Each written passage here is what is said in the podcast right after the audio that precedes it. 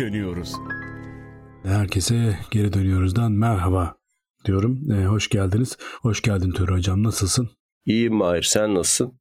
İyiyim hocam. Bu geçtiğimiz bir hafta 10 günlük zamanı biraz hasta e, geçirdim. O yüzden sesimde de hala bu hastalığın izleri varsa e, şimdiden dinleyicilerin kulaklarında yarattığım tahribat için e, özür diliyorum. Yok Leonard Cohen gibi olmuş sesin. Teşekkür ederim hocam.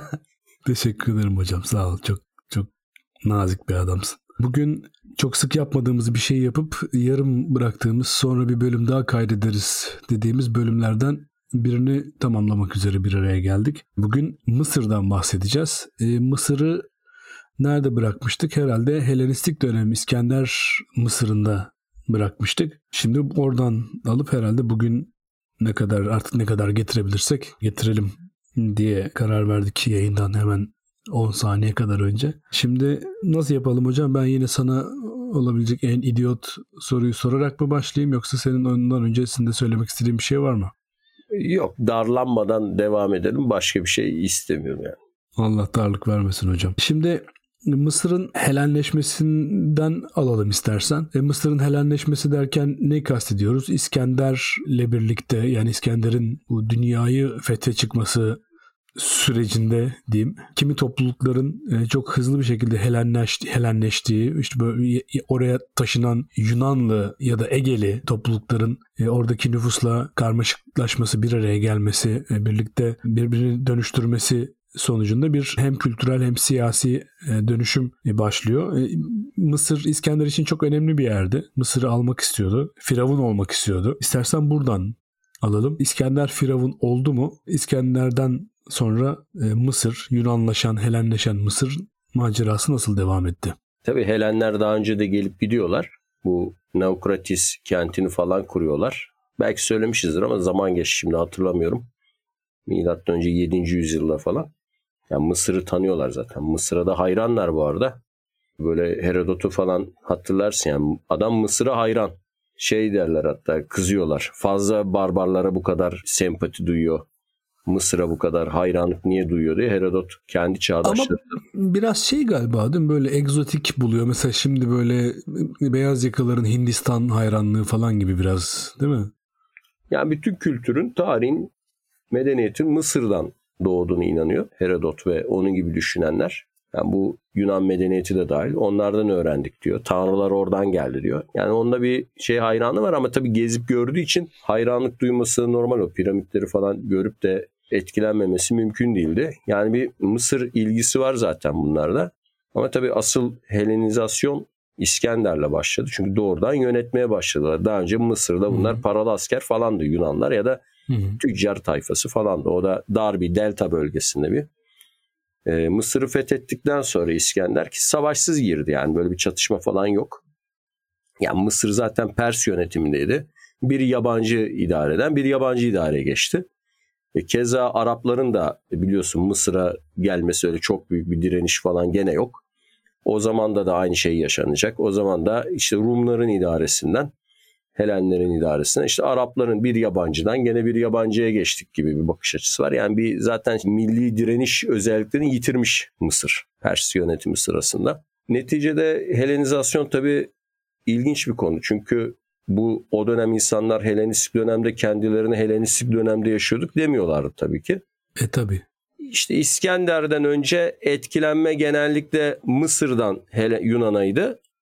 İskender'den sonra artık Mısırlılar Yunan kültüründen daha yoğun etkilenmeye başladılar.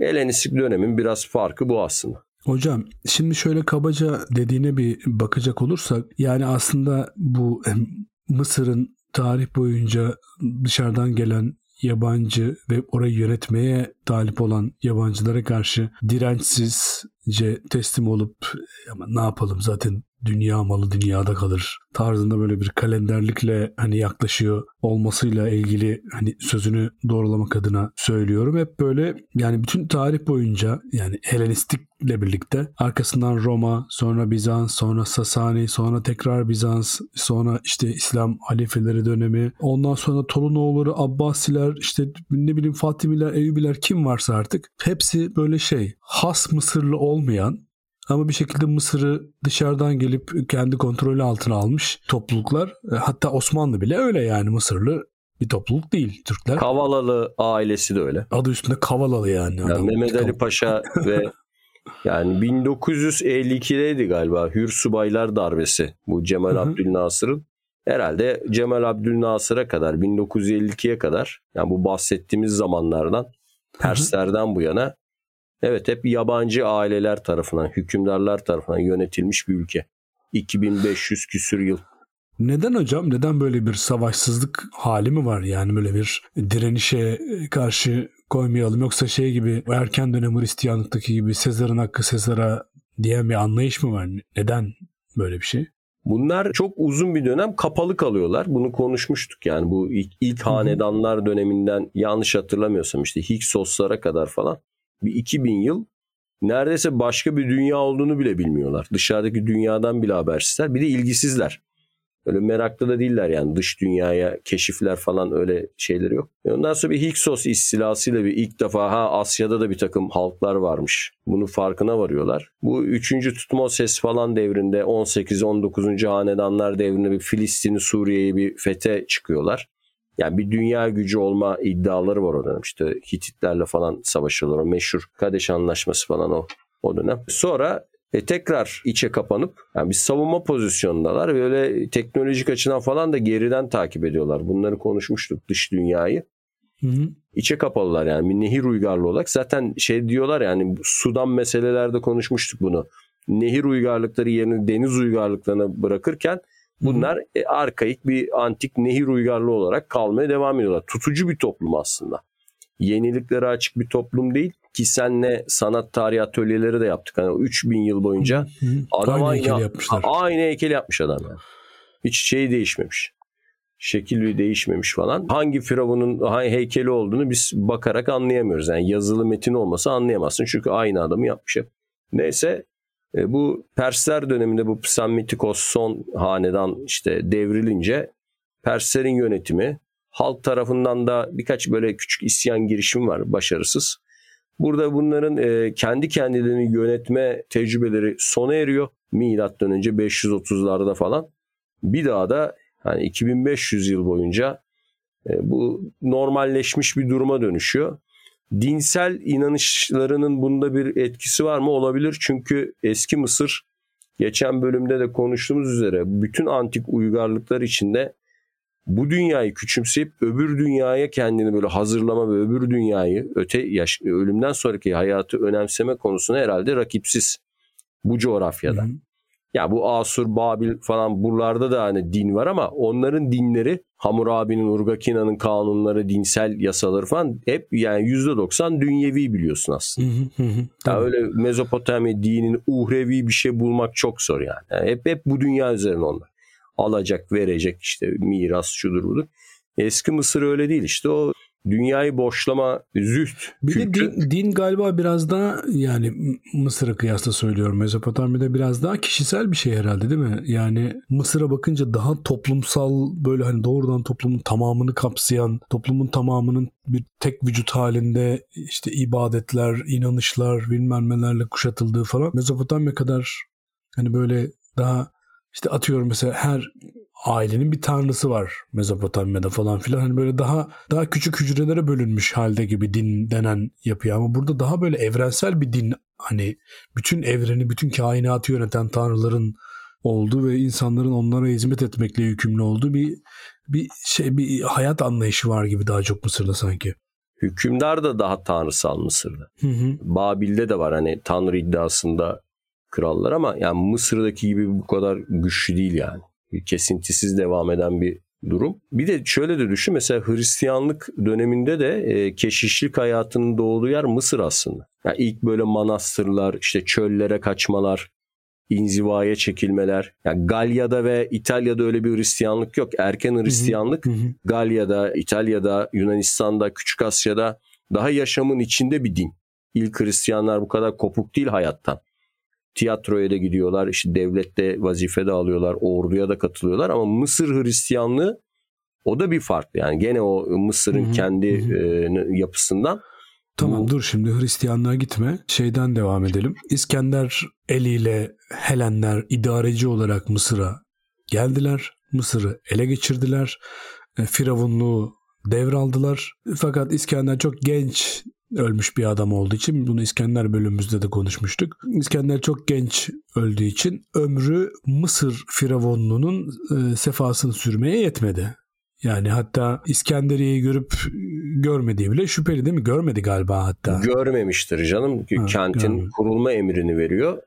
Ama yani o kent kurmak düşünsene bir nesillik iş. Evet ama yani ne bileyim işte inşaatını inşaatını bile görmemiş olabilir deniyor yani hani. Ondan sonra İskender'in rahmeti rahmana yürümesinden sonra hocam İskender'in komutanları arasında Büyük Makedon İmparatorluğu paylaşıldı. İşte bölgeye göre hangi komutanı, hangi askeri hakimse oraları onlar tarafından devralındı denebilir en kaba haliyle. E Mısır'da bu Ptolemaios hanedanı olarak buraya yerleşecek komutanı devraldı. Şimdi bir de o ne denir? Ptelema... Ulan nasıl söyleniyor bu isim? Ptelemai... Batlamyus'ta kurtarken. Batlamyus evet. Batlam... Ama dur. Ptelem... Ptelemaios. Ptelem... Ptelemaios. Ptelemaios. Vay anasını. İşte hocam kul kanadığını görmeden ölmez derler. Sana söyleyemediğin kelimeler için dalga geçe geçe en sonunda sana dönüştüm. Neyse Ptolemaios'tan alıp devam edelim Roma'ya kadar. Şimdi bu İskender'in generallerinden biri ve bildiğimiz kadar en entelektüel generallerinden biri. Yani İskender'in yaşamını bile bu yazıya geçirmiş. Zaten eleştirilir kendini çok ön plana çıkardı diye. İşte İskender tam çekilecekti de ben ikna ettim savaşmaya falan gibi ayrıntılar eklediği söylenir. İşte neyse e, bunun şeyi kayıp. Ptolemaios'un yazdığı tarih kitabı kayıp. Ama bu Plutarkoslar falan ondan yararlanarak Arianos, Plutarkos gibi yazarlar ondan yararlanıyorlar. O sayede biz şeyleri biliyoruz yani Ptolemaios'un fragmanlarından haberdarız yani. Abi gerçekten şu an çok kıskanıyorum seni. Yani sen karikatür bile diyemeyen adamsın. Nasıl bu kadar rahat Ptolemaios diyorsun? Bir daha desene. O şey diyorlar ya hani Yunanca isimleri övüyor işte Arapça isimleri kızıyor ama. bir tek onları söyleyebiliyormuş çünkü. evet o yüzden. Bir de şey demiş oryantalizmin böylesi. Ya oryantalist olsam Arapça isimlere hayran olmam lazım. Öyle, öyle oryantalist Ptolemeik, Ptolemeik dönem. Ha. Yani, Bunu neyse. demeye çalışıyorum ha 10 dakikadır. Ya sınavlarda falan belki de biliyor, bizi sözlü yapıyordu biliyorsun Altan Çilingiroğlu rahmetli. Biz sınav olmuyorduk. Bak genç nesiller bunları belki bilmez. Öyle yazılı sınav falan yapmıyordu bizi. Koskoca Bizim tam tersi hocam koskoca. şöyleydi. Eğer dersten yazılı sınavdan geçtiysen sözlüğe giriyordun. Yani gerçekten kendi bileğinin hakkıyla mı geçtin onu ispatlamak için bir de sözlüğe giriyordun. Tabii canım öyle şey o koskoca bölüm başkanı kağıt mı okuyacak 500 tane akşama kadar. Getiriyordu bizi tek tek sıraya diziyordu böyle polis sorgusu gibi. İşte Zernaki Tepe nerede? Ee, Urartuların ilk üç kralını say. Doğu Anadolu'daki demir çağ höyüklerine örnek ver. Bazen de cevabı olmayan soru da sorardı. Mesela demir çağ hmm. höyüklerine öyle yoktu o zaman. O Tilki Tepe falan işte Demirçağ ya cevabı yok sorunun. Sen yok, böyle bizi tek şey... tek tek tek odasına alırdı. Bir de böyle şey slide sorduğu için işte o slide makinesi çalışıyor odada. Sadece onun ışığı var. Karanlık bir oda böyle lan dayak tam yemeye mi gidiyorsun? Tam sorgu. Böyle, tam sorgu odası gibi. Yani o yüzden yanlış söylediğimiz zaman tabii puan kırılıyordu. Yani yeni nesil bu çileleri bilmiyor yani. Bilmiyorum öyle var mı öyle yani şey yok artık. Hatta çoktan yeni... seçmeli soru diye bir şey yap. Test yapıyorlar zaten. Cevabı orada sen Abi, seçiyorsun ya. Yeni nesil okula bile gitmedi kaç sene ya pandemi yüzünden. Ekrandan katılıyor mu Ekrandan, katılmıyor mu bile belli. Yazık günah çocuklar. Yani Yunanca işi böyle. Şimdi bu Mısır için bir avantaj tabii. En entelektüel generalin Mısır'ın payının ona düşmesi. İskenderiye gibi bir şehrin. Adam da zaten meraklı. Eski kültürleri şu buraya. İskenderiye bir parlıyor. Yani 300 yıl, 400 yıl boyunca benim bile yani böyle e, inanılmaz insanlar yetişmiş bir de çekmiş kendine. İşte Miletoslu, Efesoslu falan e, şeyler de oraya gidip yerleşmişler. Ve muazzam bir dönem yani. Hayranlık e, duyabileceğim bir dönem. İskenderiye'nin o altın yılları, parlak yılları. Hı hı. Mesela ne bileyim bu Eratosthenes var. Dünyanın çapını ölçen. 40 bin kilometre buluyor. Yani neredeyse böyle. Büyüleniyorum Yunanca isimleri söyleyişinden. ya is, isimlere takılmaktan ne anlattığımı umursamıyor Şimdi düşünsene büyüleneceğin şey dünyanın çapını ölçüyor diyor adam diyor. Bak şimdi gene altını çiziyor. Doğru bir şekilde hem de. Ya stadyon olarak ölçüyorlar tabii onlar. Ama şimdi kilometreye çevirdiğin zaman adam doğru ölçmüş yani. Muazzam bir şey. Düşünsene şimdi bile insanların neredeyse yarısı dünyanın yuvarlak olduğuna bile inanmıyor. Adam 2300 sene önce dünyanın çapını ölçüyor yani. Neyse doğru bir şekilde. Ne bileyim şey var Erasistratos var mesela. Hekim o. İlk defa ameliyat yapmış hastaları. İskenderiye Tıp Okulu'nda bunlar. Ee, onun bir tane arkadaşı var. Hirafilos'tu galiba. O ikisi, iki doktor bunlar. Bunlar galiba Küçük Asya doğumlu. Şimdi tam hatırlamıyorum ama hatta şey bile var aralarında böyle e, Asos, Pagaye, Biga. Yani o, bizim Oo, o taraflardan tabii bizim o taraflardan e, e, Exudoxios gibi biri vardı galiba. O coğrafyacıydı galiba. O Kızikoslu. Ama şeyde İskenderiye'de eğitim alıyorlar. Yani nerede doğdukları ayrı konu. Küçük Asya'dan gidiyorlar. Orada tıp eğitimi, astronomi eğitimi alıyorlar. Ve ilk defa ameliyat yapıyorlar. Canlı hastalar üzerine. E, şimdi buna yani şöyle anlatalım. Şimdi antik Mısır tıbbı çok iyi bir iyiymiş gibi bilinir. Ama aslında Mısırlar tıpta iyi değiller. Yani şöyle. Mumyada iyiler. Ha, ölü ölü üzerindeki araştırmada iyiler. Mesela kan dolaşımını bilmiyorlar. Bilmeleri de mümkün değil. Kalbin gerçek rolünü bilmiyorlar. Bilmeleri de mümkün değil. Neden bilmeleri mümkün değil? Çünkü, Çünkü insanları... çalışırken görme şansı yok. Ha, öldükten sonra açıyorlar insan için. Yani insan vücudunu tanıyorlar. Organların yerlerini biliyorlar ama hiçbirini çalışırken görmüyorlar. O yüzden Mısır'ın vücut bilgisi, tıp bilgisi ölmüş insanlar üzerinden kurulmuş bir bilgi. Yaşayan insan üzerinden kurulmuş bir bilgi değil. Fakat bu, bu açıdan da Yunan'dan ileriler. En azından vücut açıp bakıyorlar. Hı hı, Yunan'da hı. bu da yok. Yani onlar mesela şey tıbbı neydi o bizim Asklepios, işte hı. Galenos, Hipok, e, Hipokrates falan var ya. Hı hı. Onlar mesela e, hiç vücut açmadan bu sağlık tıp iyileştirme e, olaylarına girmiş kişiler. Yani bakıyor böyle suratına bakıyor adamın. İşte gözlerinin altı mor. Bunun çıkar kara safrası artmış diyor. Ha, dilini çıkar diyor. Aa de bakayım diyor. Dilini çıkar diyor. İşte bunun diyor bilmem nesi hamama götürüyorlar bunları. Ter attırtıyorlar. İşte hacamat biraz yapıp kan aldırtıyorlar. Her şey sinirsel sinirsel diyormuş. Müzikle tedavi falan filan. Kitap oku bol bol diyor. Yani onların tıbbı böyle yani. Hani Hipokrates dediğin adam da öyle yani. Şey yok. Kesme biçme yok onlarda. Hocam doktorlardan sana şimdi kınama mesajı yola çıktı geliyor yani. Vallahi yapacak bir şey yok. Gerçek bu. Hani ne diyelim. Hani dışarıdan gözlemle yani. Hani sen diyor gözünün altı morarmış. Yok işte dilin sararmış. Taşa oturma taş çeker falan diyor. Böyle ya onların tedavisi bu. Bu yani Yunan tıbbı buydu. İşte ot veriyor, şifalı, kusturtuyor mesela çok yaygın. Yani bir şey ilaç şey veriyor, ot veriyor. Neyse e, Mısırlı da vücut biliyor fakat şimdi Yunan'ın da şu e, üstünlüğü var Mısır'a karşı. Mısır tıbbı insanları yaşama döndürmek için kullanmıyor. Mısır hmm. Mısır'daki tıp bilgisi ölmüş insanı öbür dünyaya hazırlamak üzerine. Aynen öyle. Yani yaşama onlar da mesela hastalara verdikleri şeyler işte kurbanın şusu busu ortaçağ büyücüleri o tür şeyler yani.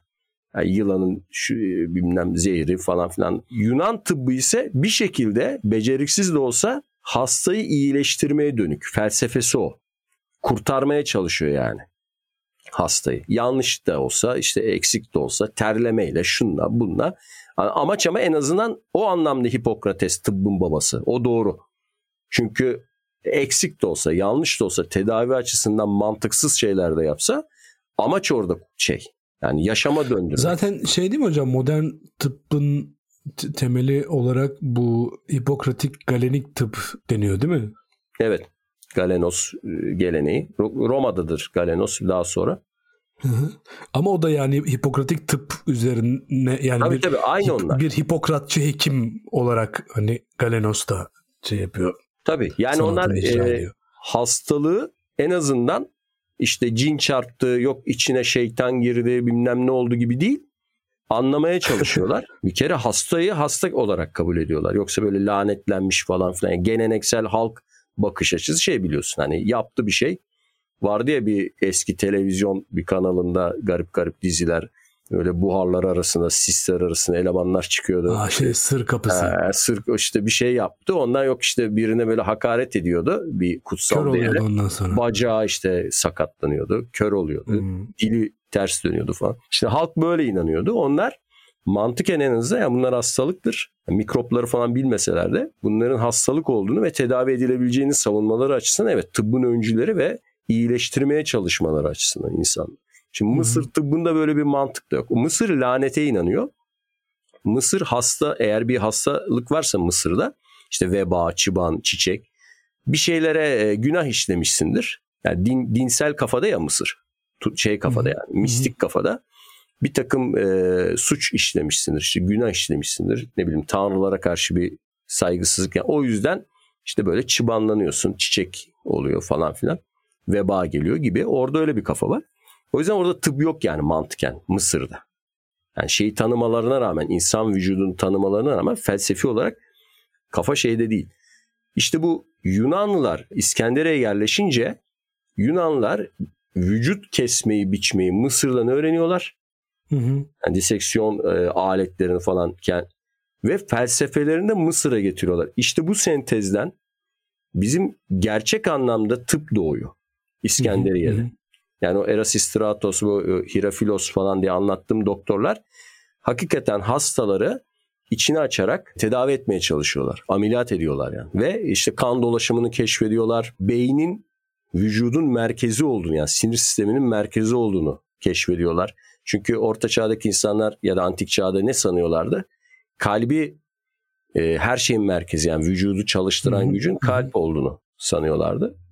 Ya da işte o şimdi hatırlamıyorum. Sen de hatırlarsın o dört tane temel sıvı yok sarı Evet, safra. evet, dört safra. Ne o bir şeyler var ya.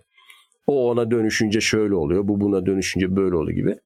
Böyle e, Onlarda şey var biliyorsun değil mi hocam? Kara safra denen şey işte böyle kara safra vücutta arttığı zaman işte melankolinin, mutsuzluğun ve bundan kaynaklı hastalıkların da arttığına e, inanılıyor. Kara anlamına gelen sözcük Arapçada savda olduğu için yani bu hani şey vardır ya hani Kabe'nin köşesinde bir e, göktaşı vardır. Hacerül Esvet ha, derler. Esvet Aswad, Aswad yani oradaki o şey e, kara taş, en kara taş. Daha kara Anladın değil mi? Esvet Evet evet. yani daha Esvet. da kara. Esvet, Ekber en gibi. kara, yani. en kara, Ha. en kara. Çoğu şey gibi. Süperlatif Evet. gibi.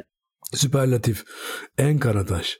İşte o Sauda da bir şey. Onun feminen hali, müennes hali.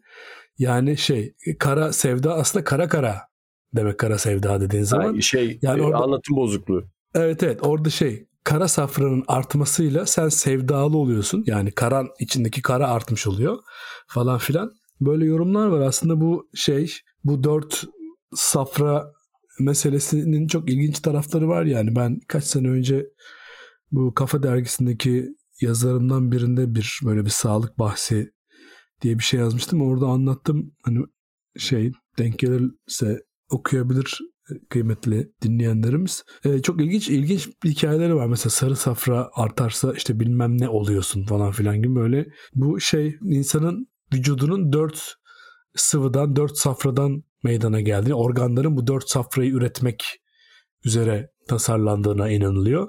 Eğer bu dört safra vücutta dengeli bir şekilde salgılanmazsa e, vücuttaki safralardan birinin diğerleri aleyhine fazlaca artması yüzünden çeşitli hastalıklar baş gösteriyor. İşte e, sarı safra artarsa bilmem ne bilmem ne hastalıkları artıyor. İşte kara safra artarsa da bilmem ne bilmem ne oluyor falan. Şey gibi yani. İşte dört temel element vardı hani şeyde Cem Yılmaz'ın filminde tahta diyor ya. Hı, beşincisi. Yani bu beşincisi tahta. yani bu şeyi de e, bu yani bu işte e, Mısır'la karşılaştıktan sonra yani bu Hipokratik Galenik tıp e, Mısır'la karşılaştıktan sonra herhalde böyle şey gıçınızdan e, safra uydurmayın falan demiş olabilir geleneksel tıpçılar yani. Mesela bak sen onları söylerken Mezopotamya'nın güneyine Araplar Sevat diyorlar. O da ormanlık bir bölge ya sazlık, bataklık, koyu anlam koyu anlamında kullanırlarmış. Gölgelik anlamında o aklıma geldi. E, o kelimeyi Bir de kullanıyorlar. şey var. Sudan var hocam. O da Saudan aslında. Karalar diyarı diye O da Araplar dönüyorlar. ha. Araplar dönüyorlar Onu bakıyorlar. konuşmuştuk sanki bu ülke Onu isimleri ben- ya da. Şeyde de Babil Kulesi kitabında da e, yazdım. Çok ilginç yani böyle bakıp lan burada da, bizden daha kara adamlar yaşıyor deyip or, or- o bölgeye karalar bölgesi demek falan çok ilginç yani. Ama eski Mısır sanatında zaten şimdi boya renk çok kullanıldığı için şey ayırt edebiliyorsun. Mesela Nubyalıları daha Ha, siyah Evet. Doğru. e, yapıyorlar. Asyalıları, Hititleri daha sarı renkli yapıyorlar. E, işte şeylerden ayırt edebiliyorsun. Geçen e, bir tanıdık arkadaş sordu ya bu Kleopatra dizisi yapmışlar mesela. Kleopatra siyahiymiş dizide. Ya baya böyle Afrikalı falan yapmışlar. Hani bu olabilir mi dedi. Yok mümkün değil dedim yani. Belki yanmıştır hocam orada hani yıllarca. Ya, mümkün Hı. mümkün değil yani. Yani zenci siyahi falan böyle şimdi şeyde Michael Jackson'da bir klibinde öyle göstermişti firavunları. Bir iki sülale var öyle. Bunu konuşmuştuk sanırım. Sudan, Nübya Ama bu- kökenli. Ptolemaik ha bu sefer söyledim. Ha. Ptolemaik hanedanın Makedonyalı olduğunu biliyoruz yani bunlar sonuçta İskender'in komutanı adam yani Makedonya'dan kalkmış oraya gelmiş ve Yani Yunanlılar onlar yani. anca e, işte bir İng- İngiliz turist ne kadar e, kızarırsa işte Antalya'da onlar o, o kadar o çünkü kendi aralarında evleniyorlar biliyorsun. Yerlilerle de evlenmiyorlar yani. Onlar sarışın falan evleniyorlar abi. Tabii baya baya kendileriyle evleniyorlar yani. Hani şeyle bir artık kardeş kardeş falan. O yüzden sarışın onlar. Ee, şey açık tenliler. Yani öyle şey Akdeniz esmeri bile değiller yani. Hocam ben bu Kleopatra ile ilgili bir şey yazarken geçenlerde şeyi okudum. Bu şeyle buluşuyorlar ya Tarsus'ta. Marcus söylesene. Antonius'la. Marcus Antonius'la gemisi yanaşıyor hocam şeye işte Mersin sahillerine nereyeyse. Diyorlar ki gemisi limana yanaşırken e, lavanta kokusu gelirdi önceden. Çünkü bütün gemisi lavanta kokardı. Hani varın Kleopatra'nın nasıl koktuğunu siz hayal edin diye. Hani Marcus Antonius'un ona aşık olması çok doğaldı. Çok hani büyülenmesi çok doğaldı anlamında. Neyse buraya kadar gelmişken biraz Kleopatra'dan konuşalım istersen. Kleopatra işte bu Ptolemaios'un soyundan geliyor. Zaten 13.sünün kızı galiba değil mi? Yani onları tabii bayağı Ptolemaios var. Bunlar pek e, şey gibi Fransa'daki bu 14. Louis, 15. Louis, 16. Louis yani isim bulma konusunda kendini yormamışlar pek. Onlar gibi başka isimli bir hükümdar yok Helenistik dönemde. Bir de Kleopatralar var. O daha önce de konuşmuştuk. Hep unut 6. Kleopatra değil mi? bu? 7. galiba hocam. 7. mi bu? Meşhur olan yani. yani Evet, evet. O ilginç bir insanmış. İşte Çok ilginç bir kadınmış evet. ilk defa onu söyle konuşmuştuk seninle. Yerli dilleri öğrenen ilk hükümdarmış. Bunlar tabii Makedon, e, Helenik tabii bu Makedonca bugünkü Slavların konuştuğu Makedonca değil. O da hep biliyorsun düzeltmek zorunda kalıyoruz o e, hatayı. O bir Helenik dil yani. Bir Helen diyalekti. Antik Hı hı, Makedonca. Yoksa bugünkü Slav Makedoncasıyla bir kesinlikle bir alakası yok. Ama bugün de hala hazırda Yunanca'nın Makedon lehçesi yaşıyor. O, o yani Yunanistan'ın Makedonya bölgesinde hala yaşıyor. Tabii o, o kadar hani o Helenistik dönemdeki Helenistik dönemdeki lehçe değildir muhtemelen ama Gene farklı bir Yunanca konuşuyor yani Makedonya bölgesi değil mi? yani şey gibi diyelim. İşte bir ağız, bir şive gibi herhalde yaşıyor yani. Yani bunlar hep Yunanca kullanırken ve yerel dilleri, yerli dilleri öğrenme gibi bir merak içinde değilken ki bu Yunanlar için genel bir eğilimdir. Hemen hemen hiçbiri yerel dilleri öğrenmemiştir yani. Böyle bir merak içinde İngiliz olmamış. gibiler o. Yani ya İngilizlerin bile en azından Sir William Jones'ları falan var. Bu Hindistan o büyük valilik zamanında oturmuş biraz ne bunların dilleri de sözlük mözlük hazırlamış birkaç entelektüelleri var. Bunlar da hiç yok yani. Antik Yok Yunan'da yok bir- ben yani o, o düzeyde ta- tarihi bir bilgi olarak söylemedim. Yani günlük hayatta tanık olduğum şey itibariyle yani hiç öğrenmeye hevesleri olmadığı gibi yetenekleri de yok bence. Yani hiç bir, böyle hiçbir şey doğru dürüst telaffuz edemiyorlar Ya falan. doğru filan. söylüyorsun ya. Mesela Hindistan'da 50 bin 100 bin kadar İngiliz yaşıyordu. Şey kolonyal dönemde. Kaç tanesi 3-5 Hintçe kelime öğrenmiştir? hemen hemen hiçbiri, biliyor mudur acaba? ya Tabii. hiçbiri öğrenmemiştir yani. Gerek görmemiştir. Bunlarda da böyle bir hava var yani Helenlerde de. Bir de egemenler yani. yani niye öğreneyim ki? Man, o benim Tabii, dilimi tabii. öğrensin o şey var. Ama Kleopatra bir 6-7 dil öğrenmiş 9 diyorlar. tane biliyormuş hocam. 9. O kadar mı? Aramice yok işte Yani o Kıptice. şey Nubyalıların bilmem nelerin dillerini falan da konuşuyormuş. şey e, Latince konuşuyormuş zaten. Şey e, Romalılarla Latince konuşmuş değil mi geldiği Tabii, tabii, zaman tabii, Sezar'la tabii. falan. Tabii tabii. Buna da Sezar diyoruz. Sezar deyince böyle yani Kaiser dememiz gerekiyor ama ne yapalım artık bir... Sezar deyince daha romantik bir isim oluyor değil mi? Böyle daha böyle yani ailenin karşısına çekinmeden çıkarabileceğim bir beyefendi adı gibi oluyor böyle ya Bay şey, Sezar. Şimdi Kaisar diye burada konuşsak diyecekler ki yani bir ukalalık yapıyor falan gibi. Şimdi hani Sezar diye. O etkilenmelerin bir sebebi bu. Çünkü yabancı dil bilen kadına pek pek değil herhalde hiç rastlamamışlardır. Yani hem Sezar'ın hem de Marcus Antonius'un Kleopatra'ya böyle aşık olmasının sebebi yani çok güzel değil diyorlar Kleopatra için.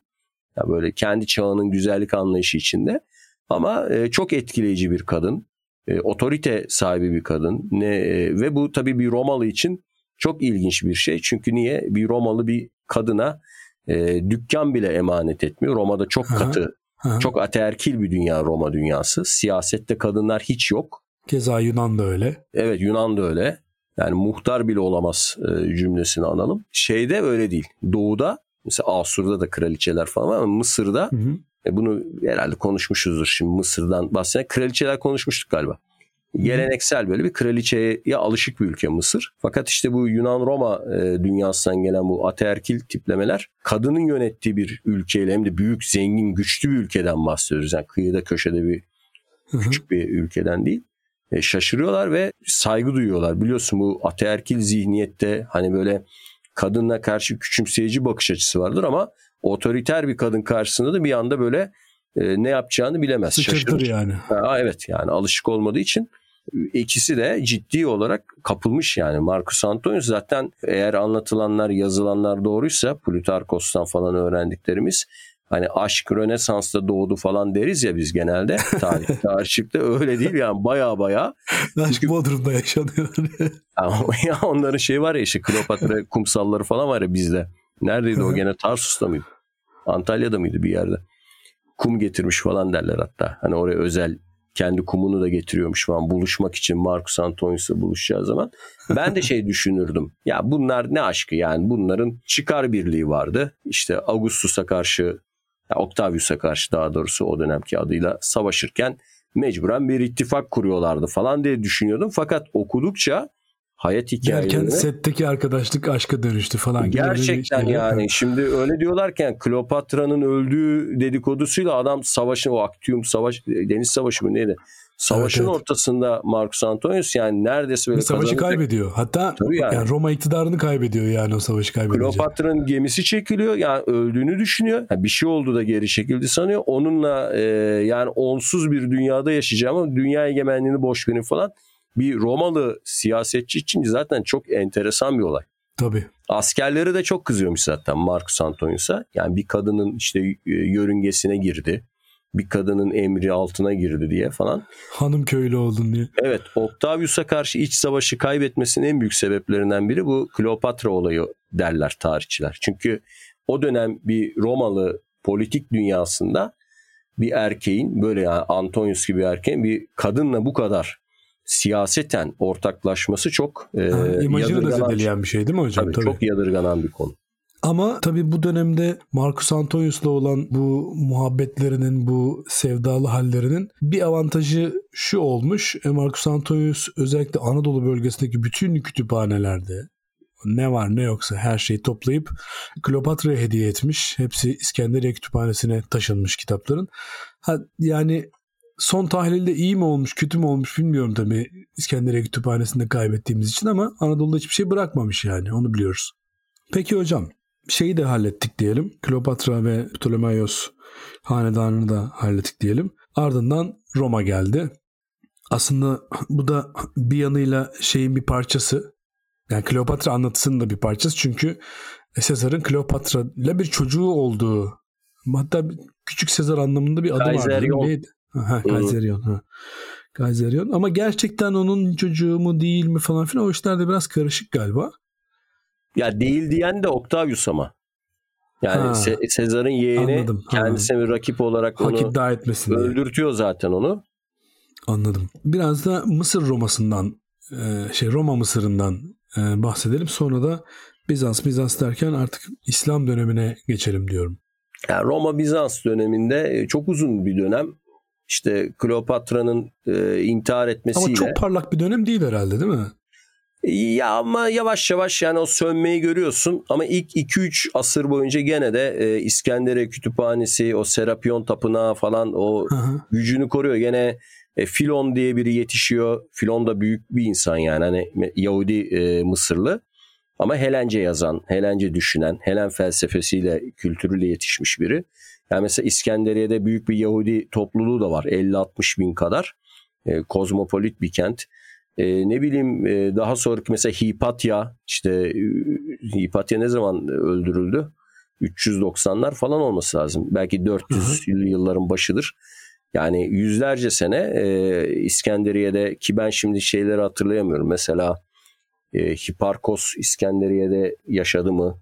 O Aristarkos falan bunlar kim işte dünyanın döndüğünü söyleyen, güneşin bizim etrafımızda değil bizim güneşin etrafında döndüğümüzü söyleyen kişiler. Bunlar İskenderiye okulundan hep yetişmiş insanlar. Bazıları Roma devrine denk geliyor. Yani birdenbire Roma geldi ve e, İskenderiye'nin işte o feneri söndü gibi bir sonuca varamayız. Ama yavaş yavaş Roma hakimiyetini genel olarak Akdeniz'e zaten o düşünsel atmosfer sönümlenmeye başlıyor yani gerilemeye başlıyor. Yani bu ne kadar Romalıların kabahati, ne kadar genel dünyadaki gidişatın etkisi ona bakmak lazım. Ama genelde tarihçiler bundan Hristiyanlığı mesul tutarlar. Yani Hristiyanlık yayıldıkça e, Mısır'da bu işte araştırmaya, öğrenmeye, bilimsel çalışmalara olan ilgi azaldı derler. Bir de tabii sadece Hristiyanlık demeyelim ona. Isis kültü, e, mistik hareketlerin tarikat, Orfeusçuluk, Mısır bir de bunların da ülkesi. Bunlar güçlendikçe hani bu dünya boş. Şimdi Roma dünyasında iki tür insan tipi çok ön plana çıkmış. Artık yapacak hiçbir şey yok. Yeni, yenecek düşman kalmamış. Bir Pax Romana devri gelmiş Augustus'la birlikte. Yani insanlık varabileceği en yüksek noktaya ulaşmış. Bunu hissediyorlar. Bir takım insanlar işte ne yapıyorlar? Vur patlasın, çal oynasın, işte eğlenceler, e, gladyatör dövüşleri falan böyle bir dünya başlıyor. At yarışları bu İskenderiye'de de çok yaygın. Bir grup insan ise e, ne yapıyor? E, mistik tarikatlar, işte züht hayatı buna yöneliyor yani. Ha, ikisi de aslında e, bir kere dünyaya geldik. E, yaşayabildiğimiz kadar yaşayalım. Öbürü de öbür dünyaya hazırlanalım diye bu dünyanın reddi doğuyor. Her halükarda insanlar artık bilim, matematik, felsefe bu tür e, branşlara olan ilgilerini yitiriyorlar. Yani Roma'da yaşanan bu. Peki e, Roma nasıl Hristiyanlaşıyor? Yani özet haliyle. Yani bu e, tabii kuşaklar süren bir olay ama Mısır'ın Hristiyanlaşması işte 300'lü yıllarda çok iğme kazanmış ve Hı-hı. çok katı bir Hristiyanlaşma. Yani şimdi Hristiyanlık tabii yöreye göre, bölgeye göre Hristiyanlık tavırları farklı. Mesela Küçük Asya'daki Hristiyanlık hiçbir zaman Mısır'daki kadar katı değil benim anladığım kadarıyla, gördüğüm kadarıyla. E, gerçi burada da istisnalar var mesela. Bizim bu Kapadokyalı kilise babaları, o Gregoriuslar, Nazianuslar falan var ya, Basileuslar falan. Onlar da bayağı e, şeyler, sertler yani dünya görüşleri açısından. Ama Mısır'da bir e, Aziz Kiril vardır örneğin.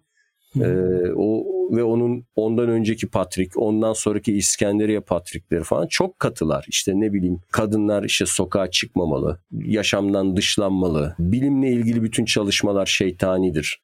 İşte dünya ile ilgili, astronomi ile ilgili vesaire bütün bunlar bu kitaplar gereksizdir. Ya düşünsene Strabon bile e, bir dönem o Strabon Ptolemaios'un kendisi bak bu başka bir Ptolemaios yani Batlamyus olarak bilinen. Arap dünyası. O da mesela İskenderiye okulundan yetişmedir coğrafyacı. E bütün bunları e, ya yasakladılar ya ihmal ettiler, kaldırdılar, e, gereksizleştirdiler. E, İskenderiye Kütüphanesi gerçi Sezar döneminde yanlışlıkla bir yangında yok oldu deniliyor ama o Sezar'ın şey ilk gelişi Mısır'a ilk gelişinde bir yangın çıkıyor. İskenderiye Kütüphanesi'nin önemli bir kısmı orada yandığı söyleniyor. Ama senin dediğin gibi o yangından sonra Marcus Antonius o eksiği şeyle kapatıyor. Pergamon'dan işte Küçük Asya'dan topladığı kitaplarla kapatıyor. Fakat daha sonra asıl zararı e, bu Hristiyan fanatiklerin parabolani diyor onlara. Böyle onların verdiği söyleniyor. Yani kütüphaneye, işte Serapion Tapınağı'na daha çok yani İskenderiye Kütüphanesi'ndeki büyük yangınların, yağmaların bu Aziz Kiril kışkırtmalarıyla Hristiyan e, fanatikler tarafından yapıldığı iddiası da var. Tamam. E, e, Roma meselesi ve Hristiyanlığa yayılması meselesi üzerine de böyle konuşmuş olalım. Hızlı hızlı geçmeye çalışıyorum süreyi hani idareli kullanmak açısından. Sonra Bizans dönemi var. Bizans dönemi de bence Mısır'ın çok parlak yani bütün Mısır tarihine dönüp baktığında çok parlak sayılacak bir dönem değil. Yine hep böyle uzun çağlara yayılan bir çöküşün aşamalarından biriymiş gibi geliyor bana Bizans. Ondan sonra da zaten İslam uygarlığı başlıyor ve Mısır'ın hızlı bir şekilde Araplaşması e, dönemi e, başlıyor. Bunları böyle bir kısaca geçelim istersen hocam. Sokrates Scholasticus diye bir tarihçi var. Sozamenus diye bir tarihçi var. Yani Bizans dönemi için kaynaklar bunlar. Bunlardan okuduğumuz şu. 4. 5. yüzyıllarda yani Roma artık Hristiyan bir imparatorluk haline gelince yani da Bizanslaşınca diyelim e, bütün bilimsel çalışmaların durduğu hatta o meşhur kadın bilim insanı var ya Hipatya onun işte e, öldürülmesiyle çağdaş bir olay bu. O dönemden sonra Yahudilerin örneğin topluca İskenderiye'den sürülmesi olayı var. Mallarını el koyuyor, koyuyorlar vesaire. Yani Hristiyan olmayan kimsenin e, pagan, Yahudi vesaire artık İskenderiye'de barınamadığı bir döneme geçiliyor ve o eskiden bizim anlattığımız işte kozmopolit kültür, karşılıklı tartışmalar, kültürlerin birleşmesinden doğan sentezler falan bunların hepsi bitiyor. Yani artık e, Serapis tapımı gibi Mısır'a özgü bir kült bile yok ediliyor yani. Tapınaklar falan kırılıyor, dökülüyor. Neyse bunlar çokça anlatılmıştır. Filmlere de konu olmuştur. Agora diye bir film var. Güzel bir filmdir tarihsel açıdan. Yani tavsiye edebiliriz. Yani Bizans için artık burası Mısır e, kültürel üretim açısından çok önemli bir yer değil. Sadece işte buğday üreten, e, yüksek oranda vergi alınan bir bölge. Araplar geldiğinde de e, sanırım 630'lar e, olması, 640'lar 640'larda e, geliyorlar diye hatırlıyorum. Çünkü bir dönem arada bir Sasani Pers ya İran işgali var Araplardan hemen önce. Bir 10 yıl kadar falan İran yönetiminde kalıyor Mısır. Ardından hani sen söyledin onları. Heraklios geri alıyor Mısır'ı. Ama bu sefer de Araplar geliyor. Araplar geldiğinde e, halk, e, yerli halk Arapları desteklemiş. Arapları kurtarıcı olarak gördükleri de iddia edilir. Niye? Çünkü bunlar monofizit kilisesi ya. Kıpti kilisesi. E, Rum Ortodoks kilisesini, e, Bizans kilisesini düşman olarak görüyorlar. İşte İskenderiye Patrikliği ile İstanbul Ortak bir düşmanları olmuş oldu böylece. Arasında gerilim var. O yüzden e, diyorlar ki ya bizi Rumlar yöneteceğine Araplar yönetsin daha. Araplar hiç olmazsa bizim mezhebimize karışmıyor diyorlar. Hani gene vergimizi veririz. En azından dinimize karışmıyor diyorlar. Yani en kötü ne olabilir ki falan demişler yani. Böyle yaklaşmışlar. Çünkü zaten kötü bir yönetim altındalar. E, Helenleri sevmiyorlar. Yerli halk, yerli Hristiyanlar. Araplar da biz akrabayız falan demişler. Ben bunu Fütuhul Buldan'da falan yazıyor bunlar. O fetihler kitaplarında yazar. E, Araplar demişler ki Romalılar e, yani Bizanslılar yabancıdır. Halbuki biz akrabayız. İşte falan filan Nuh'un şu oğlundan bu oğlundan. Gerçekten de hani e, sen daha iyi bilirsin bu Sami dilleriyle bu Kıpti Hami diller arasında herhalde uzak da olsa bir akrabalık var herhalde. Tabii tabii. Tabii tabii olmaz olur mu? İşte Mısırlar şey diyor aynen verdiği cevap şu. Evet ama bu çok uzak bir akrabalık diyor. Fakat gene de e, Arap yönetimini tercih ediyorlar. Çünkü işte Roma'dan ve Bizans'tan memnun değiller. O yüzden bir isyan, bir direniş, bir şey yok. Ve bundan sonra biz çok enteresan bir şekilde çok kalabalık bir ülkenin az sayıda işgalci tarafından kültürünün özümsendiğini, değiştirildiğini görüyoruz. Yani Mısır birkaç yüzyıl içerisinde artık Kıptice, Yunanca işte konuşulmayan e, sadece Arapça konuşulan bir ülkeye dönüşüyor. Galiba Kıptice 1600'lere kadar konuşulmuş ama 1600'lerden sonra artık bir ölü dil haline gelmiş. İşte sadece ne şimdi kiliselerde herhalde kullanılan hı hı. bir dil değil mi Kıptice? Hocam Kıptice'yi de bir kere daha hatırlatalım istersen. Daha önceki bölümlerde konuştuk ama bu eski Mısırca dediğimiz dilin yani işte sonraki nesillere ve sonraki nesillere tevarüs ede ede ede ede geldiği dönüştüğü hal aslında. Yani aslında Kıptice dediğimizde en eski atası en eski Mısırca olan o dil silsilesini kastediyor oluyoruz. Yani ne oradaki Arap dili ne oradaki o bölgede konuşulan işte Arami dilleri şunlar bunlar Yunan dilleri Roma dilleri falan filan hepsinden farklı olarak Mısır'ın kendi öz ana dili denebilecek dil. Ama bugün artık bir azınlık dili sadece. Ama bilimsel açıdan çok önemli bir dil. Çünkü o Şampolyon kuşağı hieroglifleri çözerken Kıptice anahtar dil olarak kullandılar. Onun üzerinden tahminler yürüterek eski Mısırca çözdüler. Bir de şu avantajı vardı Kıptice'nin, Bizans dönemindeki Kıptice'nin. Artık Yunan'dan alınma bir alfabe kullanıyorlardı. Sen şey hatırlarsın o Yunan harfleriyle kendilerinin ekledikleri bir harflerin bir karışımı değil mi o Kıpti evet, yazısı evet, evet, Orta Çağ'da evet, evet. Bizans döneminde. Ama şu avantajı var çünkü eski Mısır yazıların hepsi sessizler üzerine kurulu yazı sistemi. Yani sesli harflerin nasıl okunduğunu biz bilmiyorduk. Fakat bu e, Kıpti yazısı sesli harfleri de içerdiği için Yunanca'dan tevarüs edilen alınan birçok kelimenin nasıl okunduğuna dair bize güçlü tahminler sundu. O yüzden Hı-hı. eski Mısır yazısının çözülmesinde anahtar rolü oynamış e, önemli bir dil olarak e, kullanıldı. E, bu Arap döneminde ilk yüzyılları hakkında yani Mısır'ın işte Amr bin As falan fethediyor öyle hatırlıyorum. Hı hı. Yani Araplar için Kuzey Afrika'ya geçişin oradan da ta işte Cebeli Tarık'a kadar yürüyüşün bir anahtar ülkesi oldu. Emeviler döneminden sonra benim hatırladığım o dönem işte Abbasiler zamanında Mısır Şiilerin kaçıp yerleştiği ve orada bağımsız bir krallık kurdukları yani Fatimi hmm. hanedanlığına sahne oluyor. Fakat halkın büyük kısmının hani hiçbir zaman Şii olmadığını genelde Mısır'ın yani Sünni Müslümanların çoğunlukta olduğunu biliyoruz. Daha sonra da işte Türklerin bu kölemen olarak getirilen, Memlük olarak getirilen Türkler Mısır'da hakimiyet kuruyorlar. İşte Tolunoğulları, Ahmet bin Tolun'du galiba. İş, İşitler işte sonra Çerkez ve Türklerin sırayla yönetime geçtikleri Memlük dönemi var. E bu dönem e, yani bilim uygarlık açısından, e, mimari açısından falan güçlü bir dönem. Ben severim yani Memlük sanatını, minyatürlerini, mimarisini. Kendine özgü bir cami tipleri vardır. Biliyorsun onların böyle uzun köşeli e, minareleri ve şey derler o İskenderiye Deniz Feneri'nden örnek alınarak o e, minarelerin yapıldığı iddia edilir. İskenderiye Feneri'ni şeyler görüyor çünkü. Ondan eminiz. Arap minyatürlerinde fener hala duruyor. Depremlerle falan yıkılmış sonra da. Ama yani bilimsel olarak çok büyük bir ilerleme var mı? Hani ilk erken İslami dönemde yani benim bildiğim çok böyle yetişmiş düşünürler falan yok. İşte bir İbni Meymun vardır, Maimonides. E, Mısırlı Yahudi e, filozof. O var. Ya onun dışında ben böyle erken İslami dönem Mısır'ında böyle birkaç böyle tıbbi şeyler var. Yani tıp geleneği kaybolmamış Mısır'da.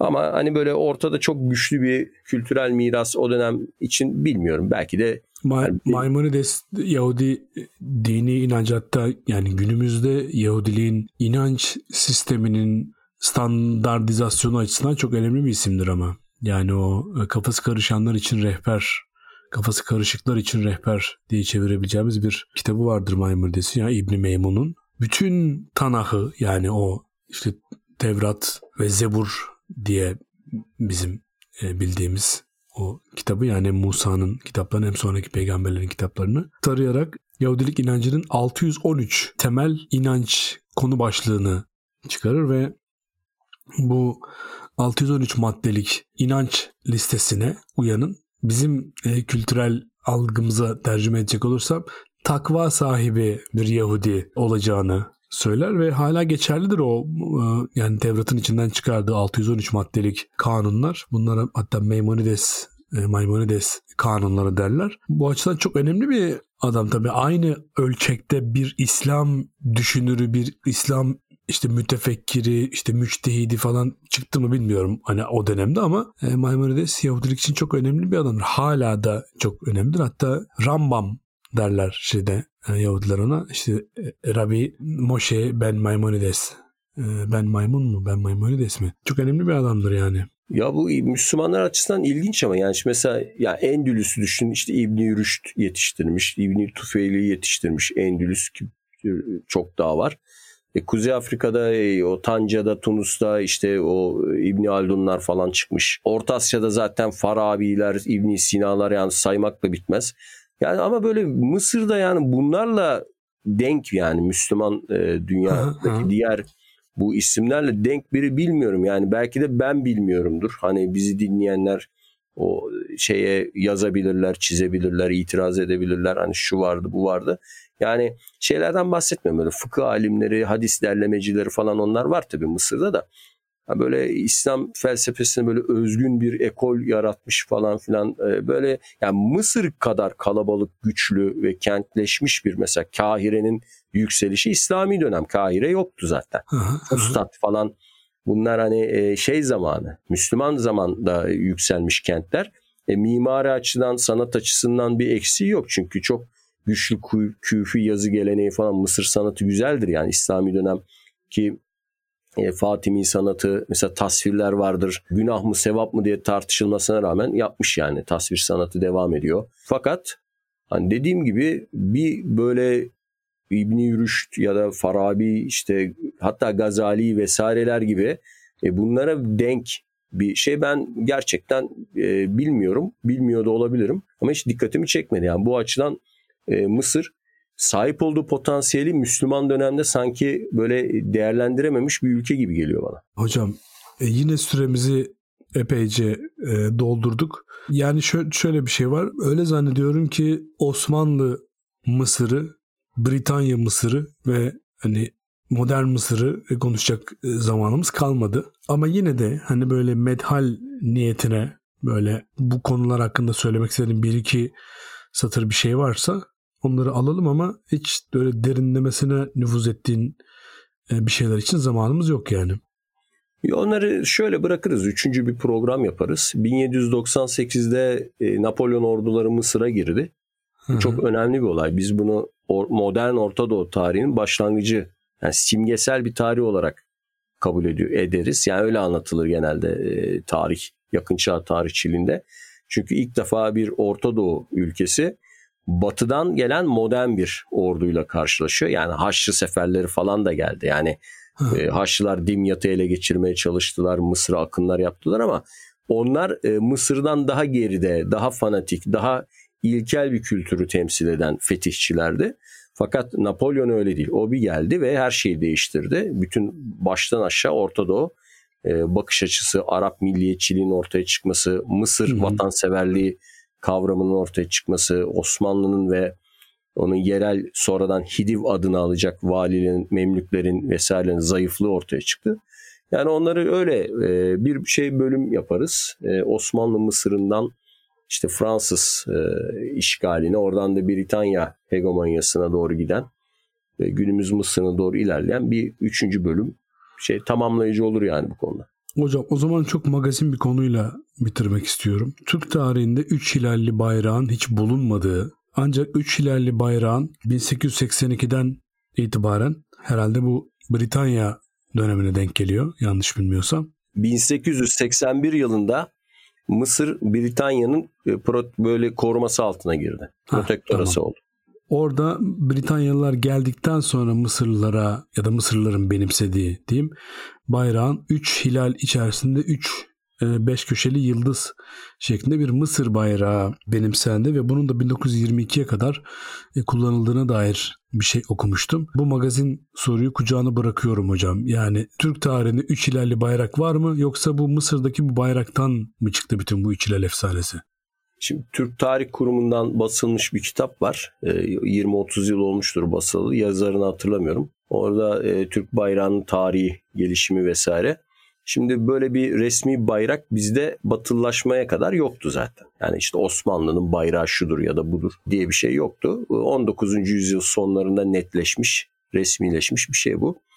E, tıpkı resmi marş olmaması gibi. Yani Tanzimatla bir, hatta değil mi hocam? Tabii. Ta, Abdülmecit devrinde ilk defa bir marş besteleniyor. Fakat o dönem şey e, her padişah pardon 2. Mahmut'ta bir e, marş besteleniyor. Mahmudiye Marşı.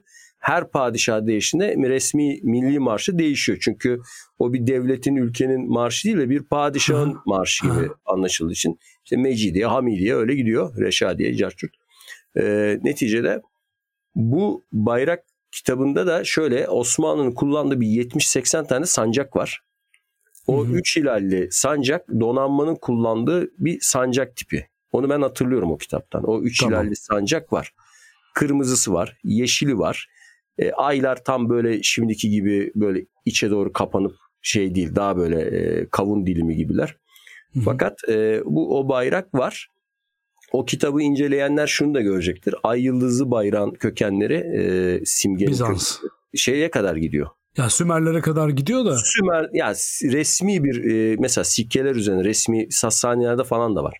Hı-hı. Sassani şahlarının e, şeyinde böyle taçlarında ay yıldız simgesi vardır. E, Pers'ten Müslümanlığa, Müslümanlıktan da yani herkese yayılmış. Hocam bir de, şöyle bir ek yapayım yani senin yap. sözün üstüne söz olmaz ama bu Bizans'ın Konstantinopolis bayrağının yukarı doğru bakan açık bir hilal ve kucağında 8 e, köşeli hatta köşelerin uçlarında böyle küçük yuvarlaklar var. 8 köşeli bir yıldız olduğu biliniyor. İlk kez 3. E, Selim döneminde bir Osmanlı bayrağı e, kullanıldığı varsayılıyor ve bu bayrağın da aslında 3. Selim'in İstanbul'un hükümdarı olması hasebiyle İstanbul bayrağı taşımak istemesinden kaynaklandı ve bu bayrağın zamanla Osmanlılarca benimsenmesi yani Osmanlılarca dedim hani sokakta kimse Osmanlı bayrağıyla gezmiyordu da yani idari yönetici elit için söylüyorum bir sancak gibi e, kullanılmaya başlandı. Aslında bu ay yıldızlı bayrağı e, bizde kullanmanın geleneğinin biraz şeye dayandığı, o Bizans'ın Konstantinopolis bayrağına dayandığına dair bir şeyler okumuştum ben de. Ya olabilir yani biliyorsun bu simgelerin İran ya da Bizans'tan kaynaklandığına dair iki farklı e, görüş var. Bir de mesela bu eski Mıs- Mısır'ın krallık bayrağı da yani Kral Faruk falan vardı ya bunların e, Cemal Abdülnasır'dan önce.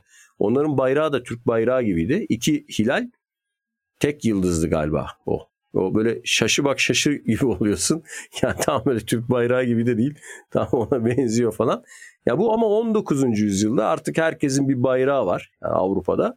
E bizim de bir resmi ve tek bir bayrağımız olsun mantığının bir sonucu. Yoksa Osmanlı'da kullanılan çok çeşitli flamalar, sancaklar var ve bunlar çok hı hı. değişken yani. Böyle ortada resmi bir işte bayrağımız budur. Her yerde de bunu taşırız gibi e, bir şey yoktu. Bu modernleşmenin bir getirisi, etkisi diyelim yani. Hocam teşekkür ederim. Yine e, leziz bir bölüm oldu. Böyle işte Mısır falan filan. E, Mısır'ı yine bitiremedik. Herhalde bir bölüm daha konuşacağız. Neyse Allah ömür versin de konuşuruz hocam. Bizde program da bitmez, konu da bitmez. Ne var mı söylemek istediğin bir şey? Yok ama birkaç Osmanlı bölümü yapalım artık. Zamanı geliyor gibi. Yani böyle hiç... Evet evet hiç orta çağ falan da konuşmadık. O da benim evet. biraz şey tadımı Yani Osmanlılar, kaçırıyor. tanzimatçılar bir, biraz sanki böyle onlar eksik kalıyor gibi bir. Evet evet ben de böyle şeyler düşünüyorum. O zaman bizi dinleyen herkese teşekkür edelim. Bir sonraki bölümümüzde ölmez de sağ kalırsak yeniden görüşmek üzere vedalaşalım. E, hocam e, küçük minicik bir e, dinleyicimiz e, var. Defne. Kaç yaşında olduğunu tahmin edemiyorum ama henüz avuç içi kadar olduğunu biliyorum. O geçen bölümü dinledikten sonra biraz üzülmüş. Hatta o kadar sıkıcı bulmuş ki bölümü uyuyakalmış. Eğer bu bölümü yeterince eğlenceli bulursa uyanacakmış. E, bu bölümü de o zaman Defne'ye armağan edelim. Defne bizim neşemiz olmaya devam etsin. Bizi dinleyen herkese teşekkür ederiz. Bize ayırdığınız vakit için teşekkür ederiz. E, bir sonraki bölümde az önce de dediğim gibi ölmez sağ kalırsak yeniden görüşmeyi ümit ederiz. Hoşçakalın.